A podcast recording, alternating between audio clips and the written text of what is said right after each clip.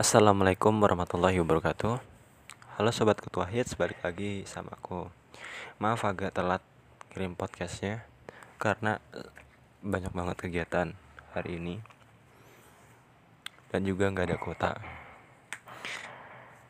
Nah, kalian tahu nggak nikmat terbesar yang kita miliki? Setiap orang pasti punya.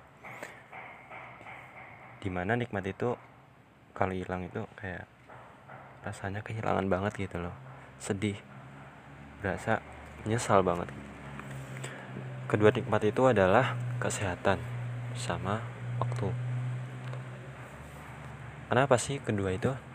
Karena ya menurut pengalaman aku hanya dua nikmat itu yang sangat berharga dibanding nikmat-nikmat yang lain kayak harta, uang, teman, keluarga dan lain-lain. Nikmat dua itu yang terbesar yaitu kesehatan dan waktu kenapa waktu nggak di nomor satu? Kesehatan nomor satu. Karena gini kalau kita nggak sehat logikanya kita mau ngapa-ngapain nggak enak gitu loh. Misalnya aku ada tugas kampus. Kodarullah aku sakit pilek pusing. Ya pasti nggak bakal maksimal kan? Hasilnya juga amburadul pasti orang ngeliat bilang ya udah istirahat dulu aja sana. Ya pasti kan kalau orang sakit harus banyak istirahat nggak boleh dipaksa kerja terus menerus. Selain itu juga didukung oleh adanya fasilitas kesehatan yang sekarang tuh makin mahal gitu loh. Tadi pagi ya aku ngobrol sama jamaah di masjid. Beliau minta tolong aku kan mas ada katan bat nggak ya? Aku bilang nggak ada gitu. hmm, kalau tusuk gigi tusuk gigi ada gitu. Ya udah aku terpaksa kan ngasih tusuk gigi yang sebenarnya aku tahu kalau itu apa ya nggak baik gitu loh kalau mau buat bersihin kuping. Jadi beliau jamaahnya tuh mau bersihin kuping cuma nggak ada cotton bud adanya tusuk gigi. Ya udah dia terpaksa kan nekat terus mas ngeluh gitu loh jamahnya duh sakit banget ini. Belum sembuh sembuh dari kemarin. Ya udah. Terus katanya jam 10 malam dia ke UGD Dok, cari dokter. Sama dokternya tuh dicari tahu penyebabnya apa oh ternyata ada sumbatan kecil.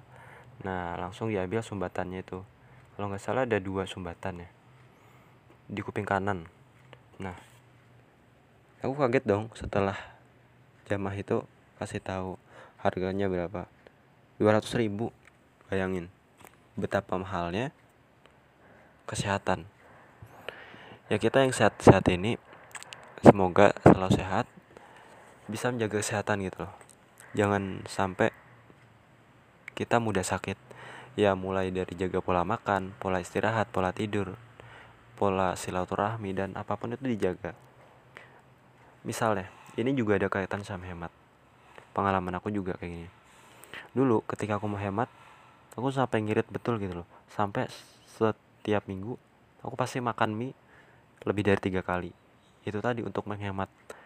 Tapi masku bilang dia punya temen bahwa temannya meninggal karena kebanyakan makan mie. Gitu loh. Aku bersyukur banget dong setelah dengar cerita ini aku tobat makan mie. Maksudnya lebih teratur makan mie gitu nggak asal-asalan.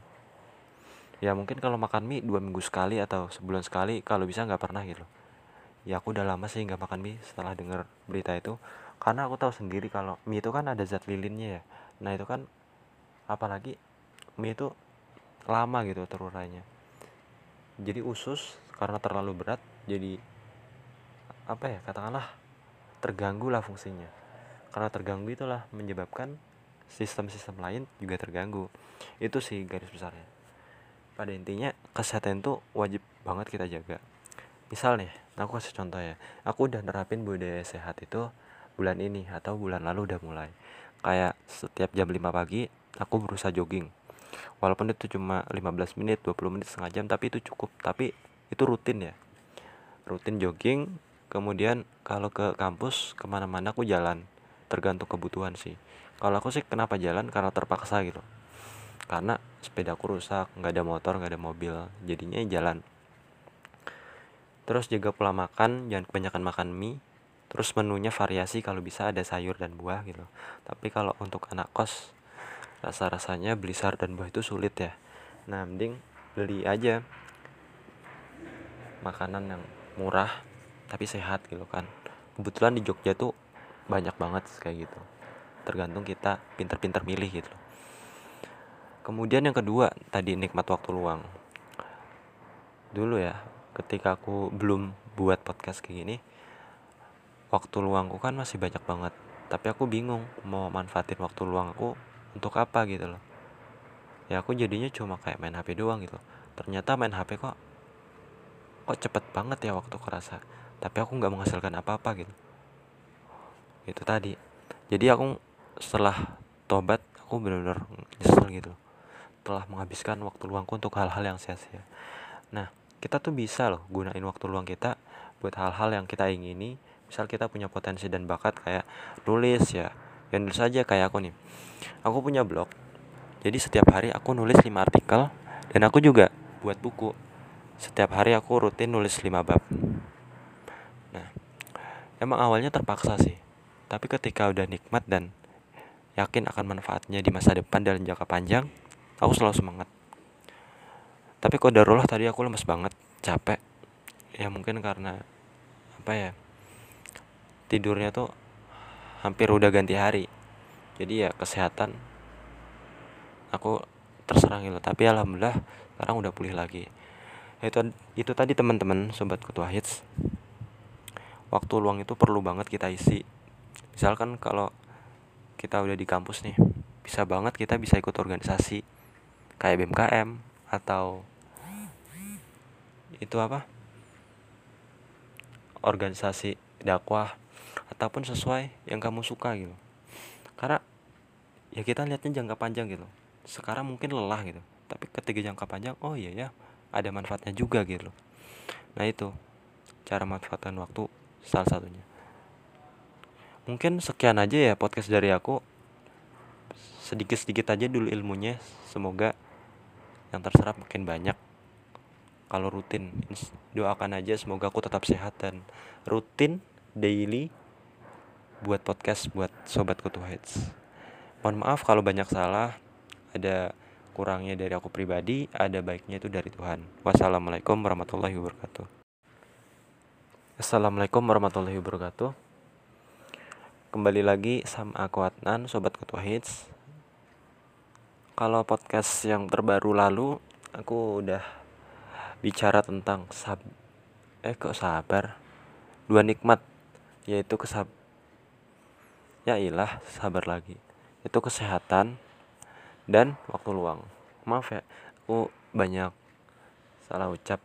Aku tuh lagi apa ya pengen banget gitu loh buat waktu kesabaran tapi nggak sabar aja rasanya nah, tapi untuk kali ini kita belum bahas kesabaran Kali ini aku mau bicara tentang esensi kekeluargaan. Jauh banget ya, sabar sama keluargaan. Tapi itu beda tipis sih kalau menurutku. Kekeluargaan itu apa sih menurut kamu sobat ketua hits? Kalau menurut aku itu nggak sekedar ikatan keluarga, tapi kekeluargaan itu bisa lintas keluarga satu darah sekandung. Maksudnya gini, bisa lintas organisasi, lintas suku, lintas bangsa, bahkan lintas negara. Gitu. Jadi kekeluargaan itu lebih ke kayak sifat, karakter, watak gitu. Bukan kata benda ya. Bukan cuma kata benda tapi udah menyatu menyatu dalam diri setiap orang yang melakukan perjuangan keras gitu. Nah, aku baru-baru ini nyadar akan esensi kekeluargaan itu. Jadi bulan Agustus lalu ya tahun 19 aku kan pertama kali masuk kampus ya masuk UGM di Jogja ini. Itu aku tiga minggu pertama tuh masih ngekos aku ngerasa di situ nggak ada rasa kekeluargaan gitu loh. Entah aku yang memang kurang muka diri atau bapak kosnya yang ya mohon maaf ya itu agak kaku pendiam gitu entahlah. Nah alhamdulillah Pak Deko yang kerja di Sarjito nyaranin aku buat jadi takmir aja. Di deket masjid ada rumah. Nah di situ ada teman-teman aku bisa ikut masih ada slot kosong. Ya udah aku daftar tes terus alhamdulillah masuk. Nah sekarang udah masuk bulan ke-8 kalau nggak salah bulan Maret 2020 aku ngerasa dapat banyak banget hal pelajaran yang terutama kekeluargaan. Jadi waktu aku pertama kali sini tuh baru ada tiga orang. Itu Mas Kiki yang paling senior terus Mas Abi sama Mas Atka. Cuma Mas Abi sama Mas Atka lagi magang rencana mereka magang sampai bulan Mei dan Mas Kiki itu sekarang lagi keluar rencana. Jadi di rumah aku sendiri.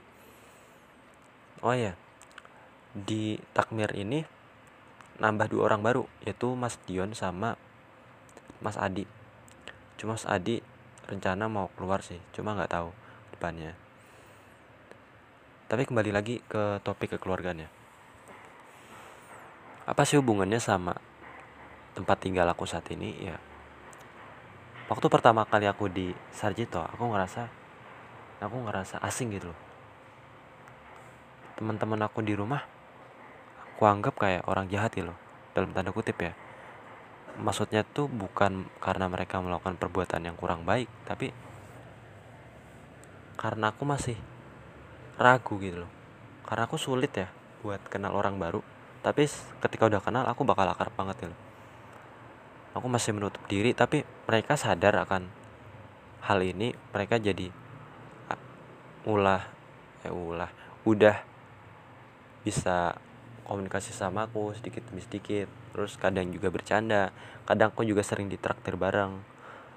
Ini ya sampai akhir tahun 19 nah, itu aku tuh ditraktir terus. Aku nggak pernah keluar uang buat makan bareng gitu. Beneran.